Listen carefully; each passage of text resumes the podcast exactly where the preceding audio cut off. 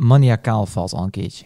Uh, vindt hij zelf vindt hij dat volgens mij niet meer. Dat vond hij wel van zichzelf dat hij maniakaal ja, was. Maar hij wilde dat woord uh, wilde hij aanpassen, inderdaad. Ja, toen ik uh, bij hem was in Duitsland, kennelijk vind je dat toch niet zo'n heel lekker label om op zijn voorhoofd te hebben. Maar vervolgens, ik, ja, ik heb een keer een verhaal met hem gemaakt waarin hij vertelde wat zijn wedstrijdvoorbereiding is. En dat, nou, dat begint aan de avond voor de wedstrijd. Nou is dat niet uniek, dat geldt wel voor meer spelers.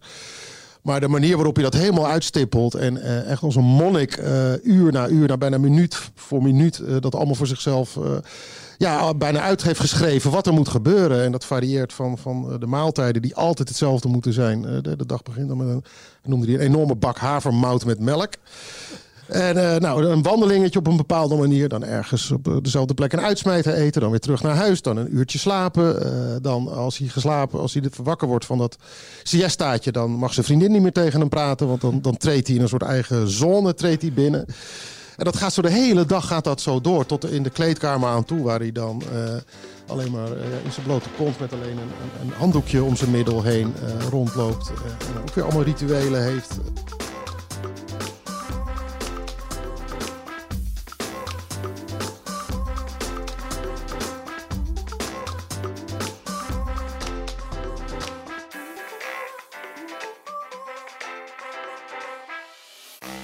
RKSV Neo, Deto Twenterand, Willem II, FC Emmen, Heracles Almelo, AZ, Wolfsburg. Ja, en uh, misschien wel Arsenal. Wie zou het zeggen? Spreek rust van een jongensboek. Zes jaar terug zat Wout Weghorst uit Borne nog op de bank in Emmen. En nu ligt de wereld aan zijn voeten. In deze score journalistiek duiken we in de bijzondere carrière van Woutje Weghorst. De man die volgens hoofdredacteur Pieter Zwart, hier tegenover mij, in hetzelfde kwadrant valt als Cristiano Ronaldo, Sven Kramer en Michael Jordan. Geboren winnaars met een groeimindset. Ook AZ-watcher Simon Zwartkruis is aangeschoven. De man die hem van dichtbij de stap naar de Europese subtop zag maken. Heren, welkom. Uh, ja, Woutje Weghorst, een fenomeen zullen we maar zeggen. Ja, dat kun je gerust zeggen, ja. ja. Beetje een... Uh, beetje zo'n soort Dirk Kuyt verhaal begint die carrière te worden. Hè? Dat hij steeds als hij bij een club komt, dat mensen zich afvragen wat hij komt doen. En binnen vrij korte tijd iedereen ervan weet te overtuigen dat het, dat het heel goed is dat hij daar is. Ik bedoel, en daarmee bedoel ik te zeggen dat hij zijn eigen grens steeds eh, weer verlegt. Eigenlijk zijn er altijd twijfels, altijd vraagtekens. En uh, hij maakt het telkens weer waar. En dat, uh, dat maakt zijn carrière heel interessant. Ook de manier waarop hij dat doet met name. Maar daar zullen we ongetwijfeld uh, daar gaan we ongetwijfeld op ingaan. Zeker weten. Pieter, je hebt deze week voor de VI een verhaal gemaakt over Wout Weghorst... met ook aardig wat mensen die met hem gewerkt hebben. Ja. Er is zo een, een thema-nummer, een special eigenlijk over ja, Nederlanders... over de landsgrenzen die floreren.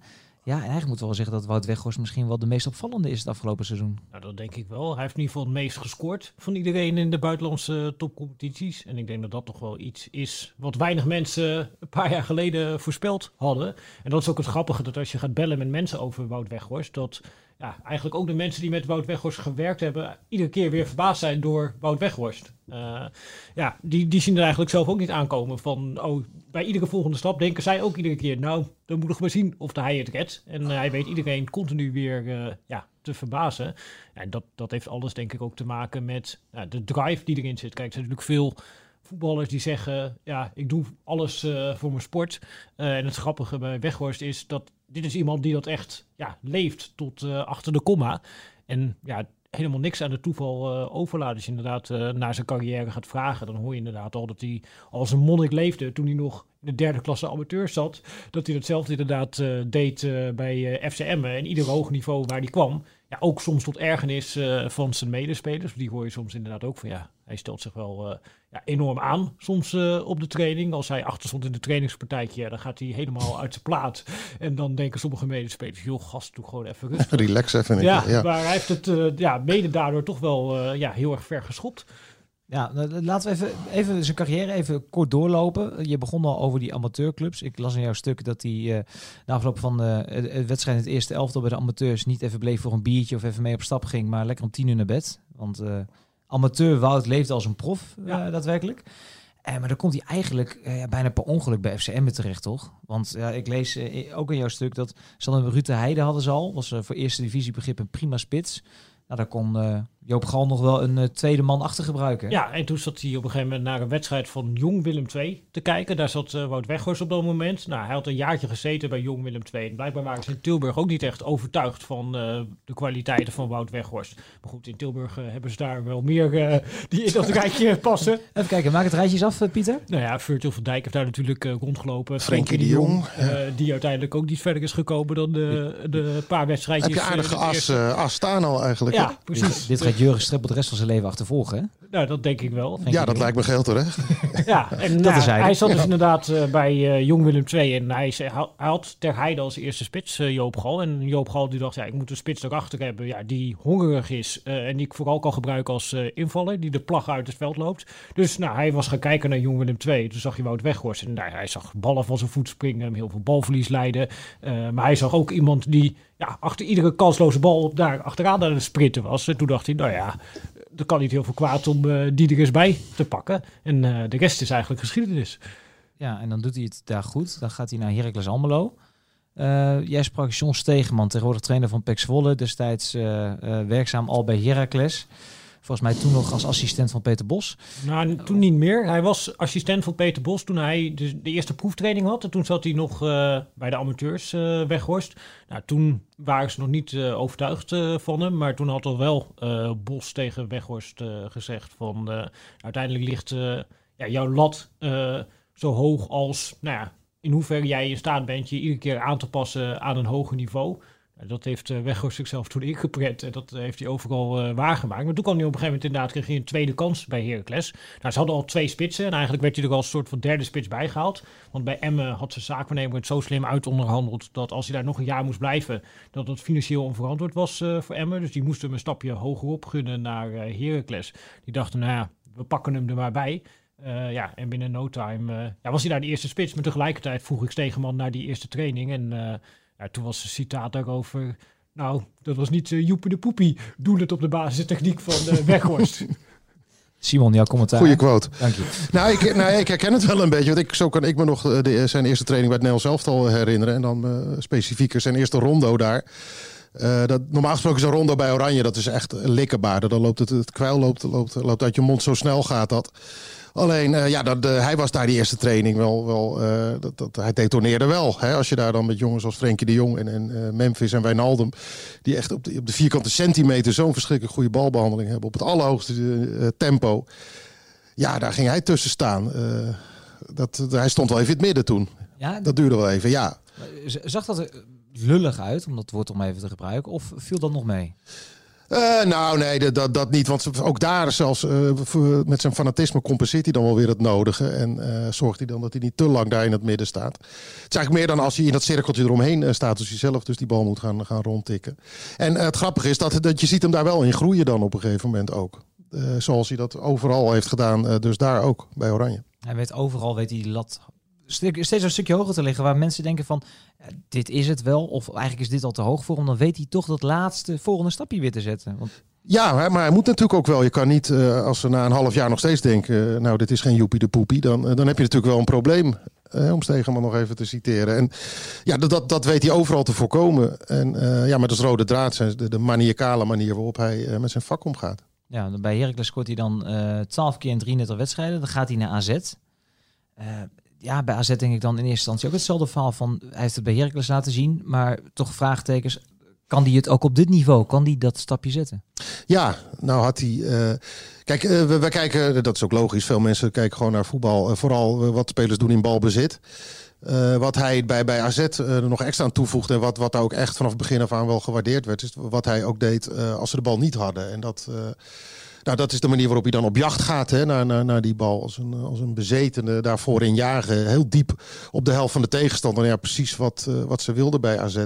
Van de Brom wilde dat al uh, in behoorlijke mate. En zijn assistent op een gegeven moment slot al helemaal. En Ja, die, de, ja die, hij deed precies wel wat ze van hem wilden, ook op dat vlak. Uh, dus dat kwam nog een keer bij, die goals die hij op een gegeven moment begon, uh, begon te scoren.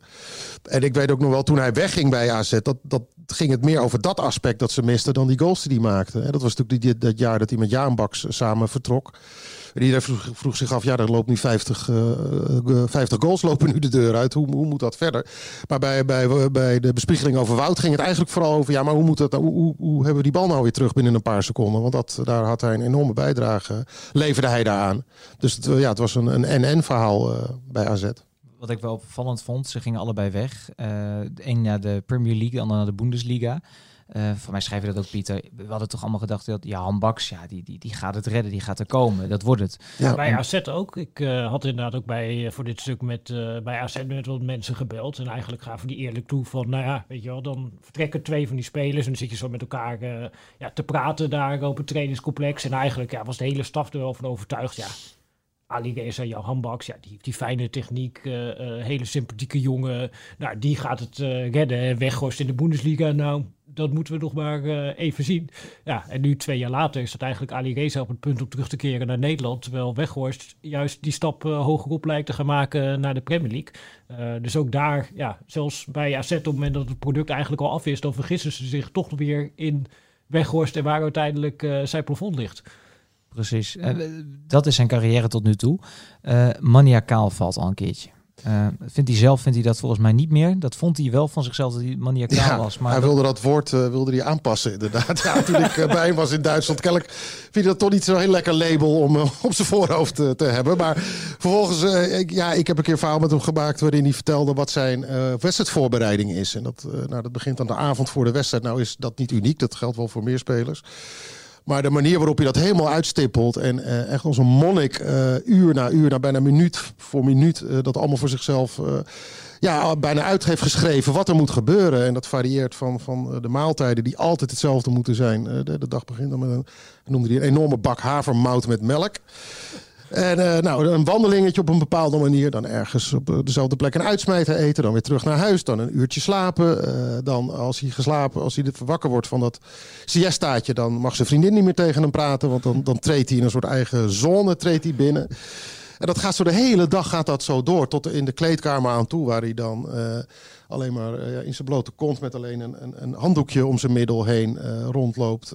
en dan ook weer allemaal rituelen heeft. bepaalde uh, bepaalde audio's luistert van, Amerikaanse motiv van een Amerikaanse motivatie, motivatietype. Motivatiecoach, ja. Denk ik. Ja, waar hij wil niemand vertellen tot, tot aan zijn eigen partner aan toe wie dat is en uh, wat, wat, waar hij dan naar luistert. Dat is echt iets van hem persoonlijk. En uh, nou ja, dat geeft hem dan het laatste setje om helemaal opgepept het veld op te gaan. En, nou, ik vergeet vast nog wel een paar dingen, maar dat voltrekt zich echt volgens datzelfde stramien iedere keer weer. En dat is, uh, daar voelt hij zich lekker bij. Er zijn ook jongens die er knettergek van worden, die uh, het liefst tot, tot aan de aftrap met hun oortjes in zitten en lekker muziekje luisteren en, en een beetje dollen. Maar hij is meer een beetje van de Arjen Robben school, ja. In, in, helemaal in zijn eigen tunnel, in zijn eigen zone. Maar is dit perfectionisme of is dit bijgeloof? Nou ja, ja, een combinatie van beide. Ik denk dat je op een gegeven moment ook niet meer zonder kan, omdat dat, ja, dan ben je helemaal gewend. Je geest is gewend aan die voorbereiding dan. En daar hou je dan ook een beetje aan vast. Maar het is ook, uh, ja, het, is zijn manier om, om zichzelf lichamelijk en maar vooral ook, ook geestelijk helemaal, helemaal op te pompen en klaar te stomen. En, dit, en, zo, en zo moet het zijn. Nou, is het ook gehoord hoe hij alles doet, Weghorst, dan ik kreeg heel erg de indruk van dat het een individueel, dat het een teamsporter was die zich eigenlijk voorbereidt als een individuele sporter. Dus ja, hoe je normaal gesproken ziet, zeg maar, in, bij de atletiek of bij triathlon, dat iemand inderdaad ook een heel team met specialisten om zich heen verzamelt. Inderdaad, zijn hele eigen werkwijze om zich voor te bereiden op uh, bepaalde dingen. Ik hoorde dat bijvoorbeeld van het kennismakingsgesprek uh, bij AZ. Daar zijn ze een beetje aan het kijken van, uh, goh, nou ja, we hebben hier een psycholoog en we hebben een fysiotherapeut en we hebben een looptrainer. En nou, kunnen die wat voor jou betekenen? En eigenlijk weg was, die had overal ja, zijn eigen mannetjes voor. Dus die had inderdaad Joost Leeners al als psycholoog. En hij had ook ja, zijn eigen looptrainers had hij al die hij in zijn netwerk had zitten. En het ging zelfs toe tot aan de eiwitshake die ze hadden bij AZ. Vertelden ze welke eiwitshake ze hadden. Toen ging Wout Weghorst ja, minutenlang uitleggen dat hij een andere eiwitshake had. En waarop dat eigenlijk een betere eiwitshake was dan de shake die ze bij AZ hadden. Ja, tot zover en tot zo diep in de details gaat die voorbereiding bij ja. Wout Weghorst. Hij is eigenlijk zijn eigen team Weghorst. Hè? ik bedoel, inderdaad, in de, de, gedurende de week heeft hij al die mensen om zich heen, die, dan, die met raad en daad bijstaan. En op die wedstrijddag zelf, met al die input die hij dan heeft gehad die hele week, dan is hij zijn eigen team eigenlijk. En dan heeft hij niemand meer nodig. Ja, maar dat, Fascinerend. Dat, ja, dat woord zocht ik ook. Fascinerend. Alsjeblieft. Dank je. Maar nee, maar zonder gekheid. Het is natuurlijk wel uh, hoeveel jongens wij wel onderweg uh, het net niet hebben zien halen. Vanwege allebei, alle randzaken, alle dingen waar ze in kunnen verdrinken. En deze jongen heeft eigenlijk met misschien wel veel minder kwaliteit dan een hele andere voetballers. Uh, dit niveau al bereikt. Ja, daar had ik het laatst met, uh, met Pierre van Hooydonk ook over. Dat is eigenlijk ook zo'n type. Hè? Ik noemde in het begin uh, Dirk Kuyt als voorbeeld. Maar Pierre is ook zo iemand die die eigenlijk zelf zijn eigen lat steeds, steeds verder verlegd heeft. En ook niet geboren is met, uh, met de fluwelen voetjes uh, van, uh, van de echte, absolute internationale toppers. Maar op zijn eigen manier daar alles uitgeperst heeft wat, er, wat erin zat. En Pierre is, is zelf ook veel meer gecharmeerd van, van dit soort spelers. Dat vindt hij mooi om te zien, hoe ze dat doen. Luc de Jong is ook zo'n type eigenlijk. Mensen die dat op karakter doen, veel meer dan, dan hun door God gegeven fluwelen voetjes. Uh, Pieter, je had het al over uh, de quote van Peter Bos. Ik heb hem er even bij gepakt. Peter Bos zei tegen hem in die eerste proefwedstrijd bij Heracles... Hoe ver je komt als voetballer zal vooral bepaald worden door de snelheid waarmee je aanpast aan het hogere niveau. Dat is eigenlijk toch de samenvatting dan van Wout Weghorst. Ja, dat is ook inderdaad waar Gal en Stegeman iedere keer over beginnen. Van dat ze daar zo verbaasd over zijn uh, bij hem. Dat hij inderdaad binnenkomt. Dat ze denken, nou ja, moeten we nog maar zien of hij het aan kan haken. En dan gaat hij gewoon kei keihard werken. En ja, uiteindelijk dwingt hij gewoon zijn uh, eigen plek en zijn eigen kans uh, op die manier af. Bij Wolfsburg, uh, daar kon hij ook wel mooi over vertellen hoe hij dat daar had gedaan. Want er zijn natuurlijk, of natuurlijk, ja, er zijn heel veel voetballers die dat vreselijk vinden, zo'n Duitse voorbereiding. Want bij, bij veel clubs is dat toch nog echt klassiek, zoals we dat al tientallen jaren horen, die verhalen. Dat je echt helemaal dood wordt gemaakt daar die eerste zes, zeven weken. Fysiek gezien dan. En de, bij, bij Wolfsburg was dat niet anders. En hij, hij, hij had het gevoel alsof hij het paradijs terecht was gekomen. Hij moest 12 uur per dag op de club zijn, zes weken achter elkaar. Nou ja, dan eh, binnen, binnen een paar weken ontstond er toch wat gemopper daar. Van, jezus, kan het niet een tandje lager? En hij, hij, vond het, hij vond het zalig. En ging daar zo in op dat hij ten eerste nog na die 12 uur ook nog weer voor zichzelf wat ging doen. Nou, dat was volgens mij het punt. Dat vertelde hij ook wel. Dat, dat zijn mede, nieuwe medespelers zeiden: van, wat hebben we nou voor idioot in huis gehaald? Kan het, je verpest de markt bijna door het op die manier te doen, want dan wordt het van iedereen verwacht. En uh, na die 12 uur zei hij: ja, dan was hij zo helemaal leeg. Dan had hij nog net het laatste procentje energie dat er nog in dat lijf zat. Dat gebruikte hij dan om zijn kaken op en neer te krijgen om, om te eten. En daarna stortte hij letterlijk in. Het enige wat hij deed daarna was in die uren daaromheen was, was slapen. Dus zijn omgeving heeft dan ook helemaal niks aan hem. Dat weet hij ook. Het komt na, na mijn carrière komt het allemaal goed. Gaat hij dat goed maken, zegt hij dan.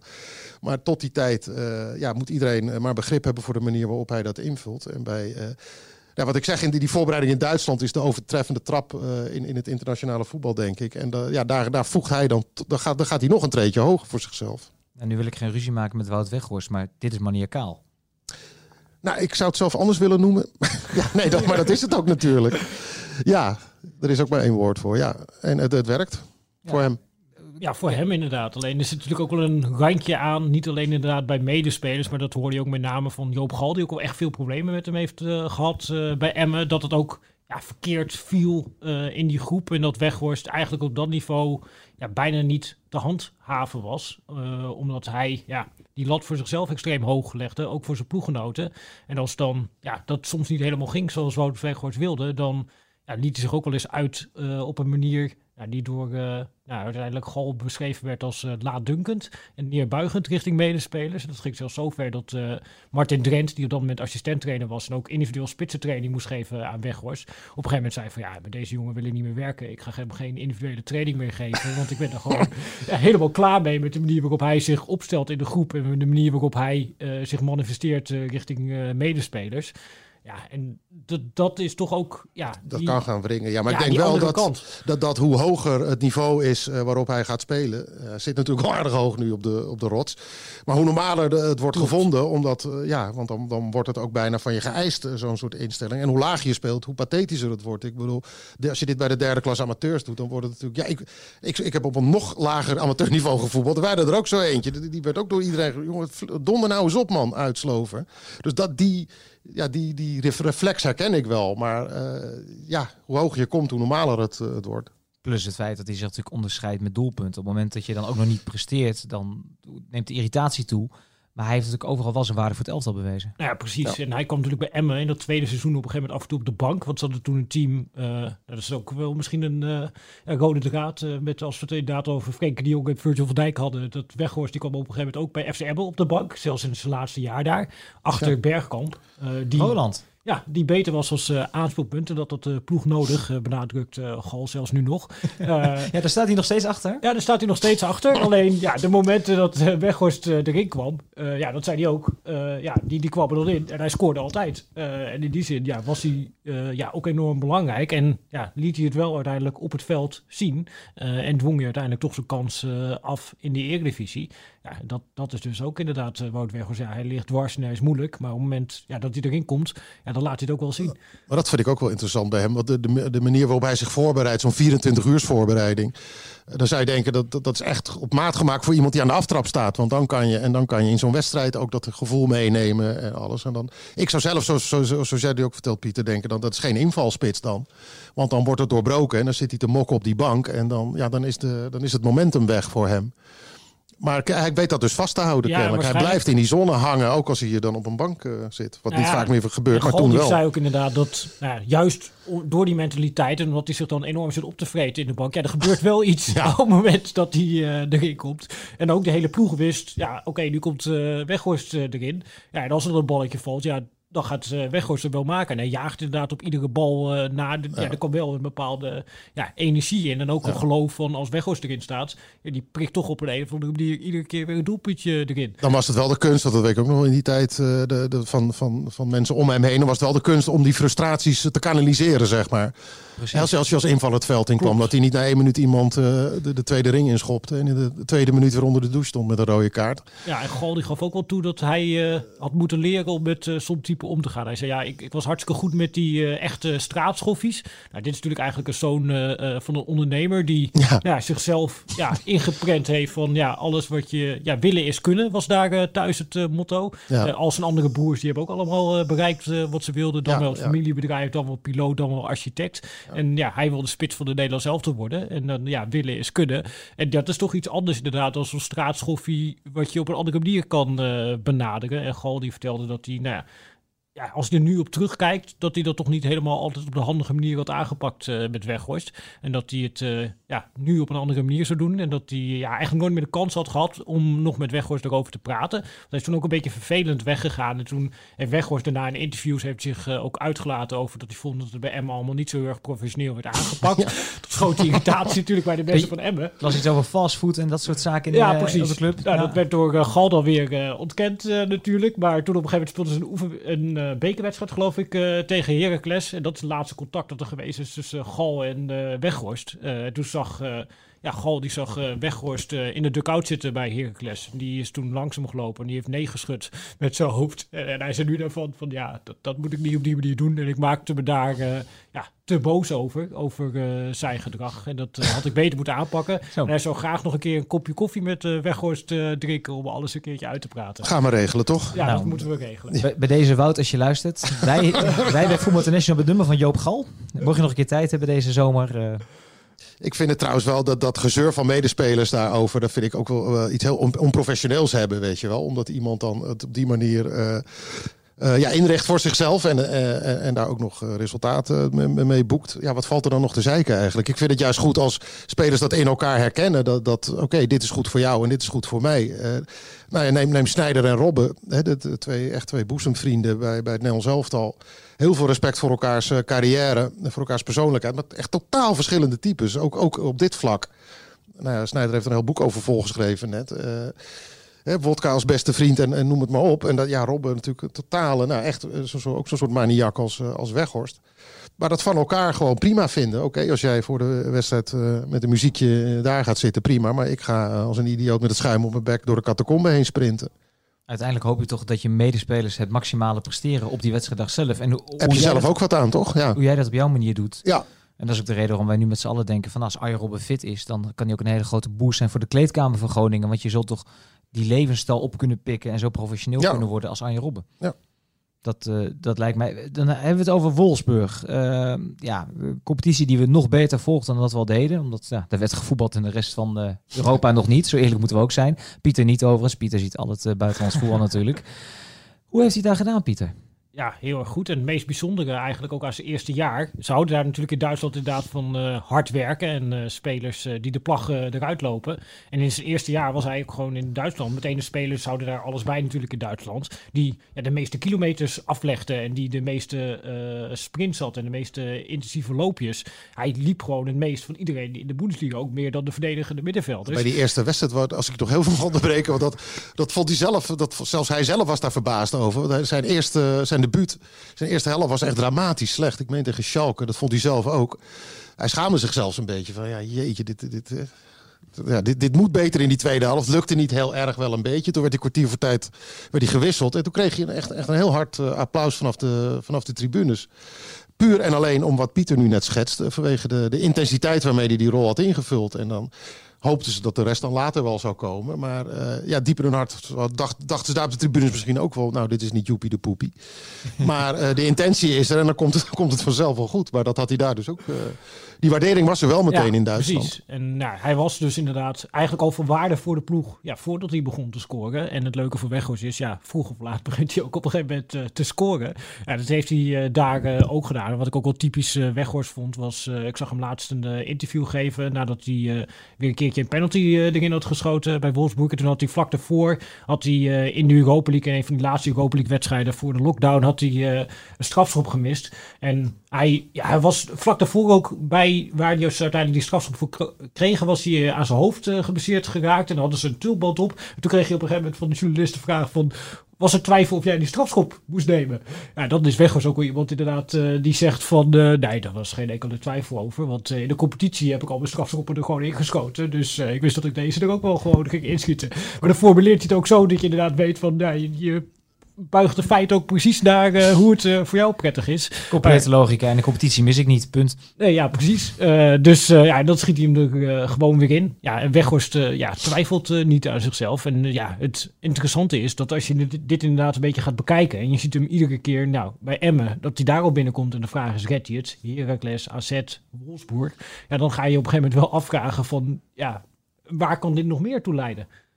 Ja, nou, dat, die vraag wil, daar wil ik zo graag mee besluiten. Heel even nog, Simon. Had je die twijfel ook toen hij voor de eerste keer bij Nederland zelf al kwam? Ja, al was uh, Koeman wel meteen heel duidelijk uh, over in welke rol hij hem erbij wilde hebben toen. En ja, daarmee werd ook meteen zijn dilemma geschetst, omdat ja, hij heeft maar één zo'n type nodig. Het is duidelijk geen spits voor het, voor het plan A. De Oranje speelt op een heel andere manier. Je zou er nog aan kunnen denken uh, als, uh, als ze tegen een, echt een heel klein landje spelen, waarbij je alleen op de helft van de tegenstander komt te spelen. Met de spits in de 16, uh, ja, dan, dan zou je met of hem of Luc de Jong kunnen beginnen. Maar normaal gesproken willen juist spitsen die een beetje vanuit, ja, die, die komen in de 16 en die veel snelheid hebben. En nou ja, de Memphises en Promesses en Donjon Malens van deze wereld. Dus ja, en dan heeft hij maar één, uh, één reservespits nodig. Dus dat is of Luc de Jong of Wout Weghorst. En dat is tot nu toe meestal is dat uh, Luc. En ik, ik hoop wel dat, dat Weghorst... Uh, we worden natuurlijk vaak met Bas Dost vergeleken vanwege het carrièrepad. En nou, een beetje dezelfde types ook wel. dat, ja, dat hij een langere adem heeft dan Dost. Want hij zal zich hier echt in, in moeten schikken. Uh, dat, ja, dat hij er vaker niet dan wel bij is. Want Koeman heeft ook toch wel laten doorschemeren dat hij, dat hij een voorkeur heeft voor Luc de Jong. Omdat hij ook wat sterker in de lucht is. Uh, nou ja, die heeft hij ook al regelmatig kunnen zien op trainingen en zo, die zich daar manifesteert. Ja, ja, goed genoeg vindt Koeman. Alleen ja, de, de, de, de, statistieken beginnen wel heel erg in het voordeel van Weghorst te spreken onderhand. Dus ik, kan ik zou me kunnen indenken als hij straks, uh, als, als in september weer de eerste Interlands gespeeld gaan worden. En hij gaat zo door. als, ja, als, dat hij, als dat hij nu gedaan heeft, pak ze er even bij. Ja, 20 goals in 42 officiële wedstrijden. En, en Luc de Jong 7. Zo in 38. Ja, dat, dat, dat loopt nogal uh, mank dan. Precies, maar ik, ik zit ook hard op na te denken. Je hebt een eindtoernooi. Uh, Zo'n speler gebruik je vaak als je iets wil forceren. Ja. Uh, de jongen is toch misschien iets meer een aanspoelpunt dan Weghorst, maar uh, ook kopsterk. Weghorst heb je, krijg je ook die energie in je elftal, denk ik dan. Ja, nou ja, zo kun je bij allebei wat plusjes en minnetjes uh, maken. En ja, Koeman blijft dan bij, bij, bij de jongen uitkomen. Maar ja, ik, er is onderhand uh, een aardige lobby op te zetten om, om Weghorst uh, daar op die, uh, op die plek neer te zetten als reservespits. Pieter, sluit je aan bij de lobby?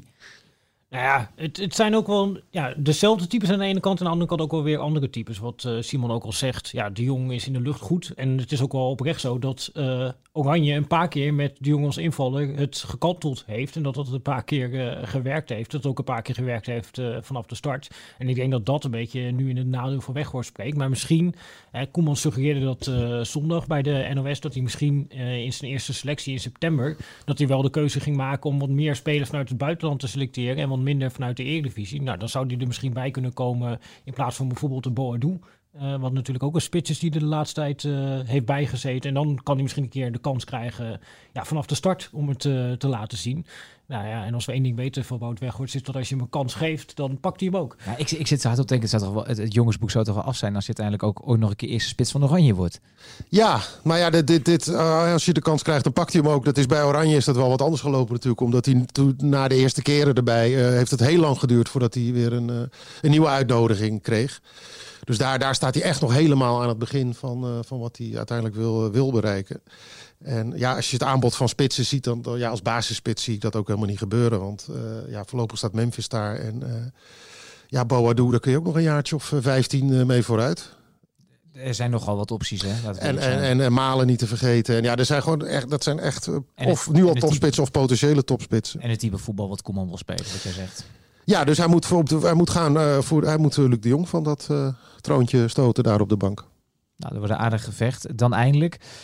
Je had het net erover, Pieter. Hij heeft, uit, hij heeft overal heeft hij bewezen dat hij waar hij komt de volgende stap kan maken. En de volgende stap kan maken. En de volgende stap kan maken. Ja, het plafond.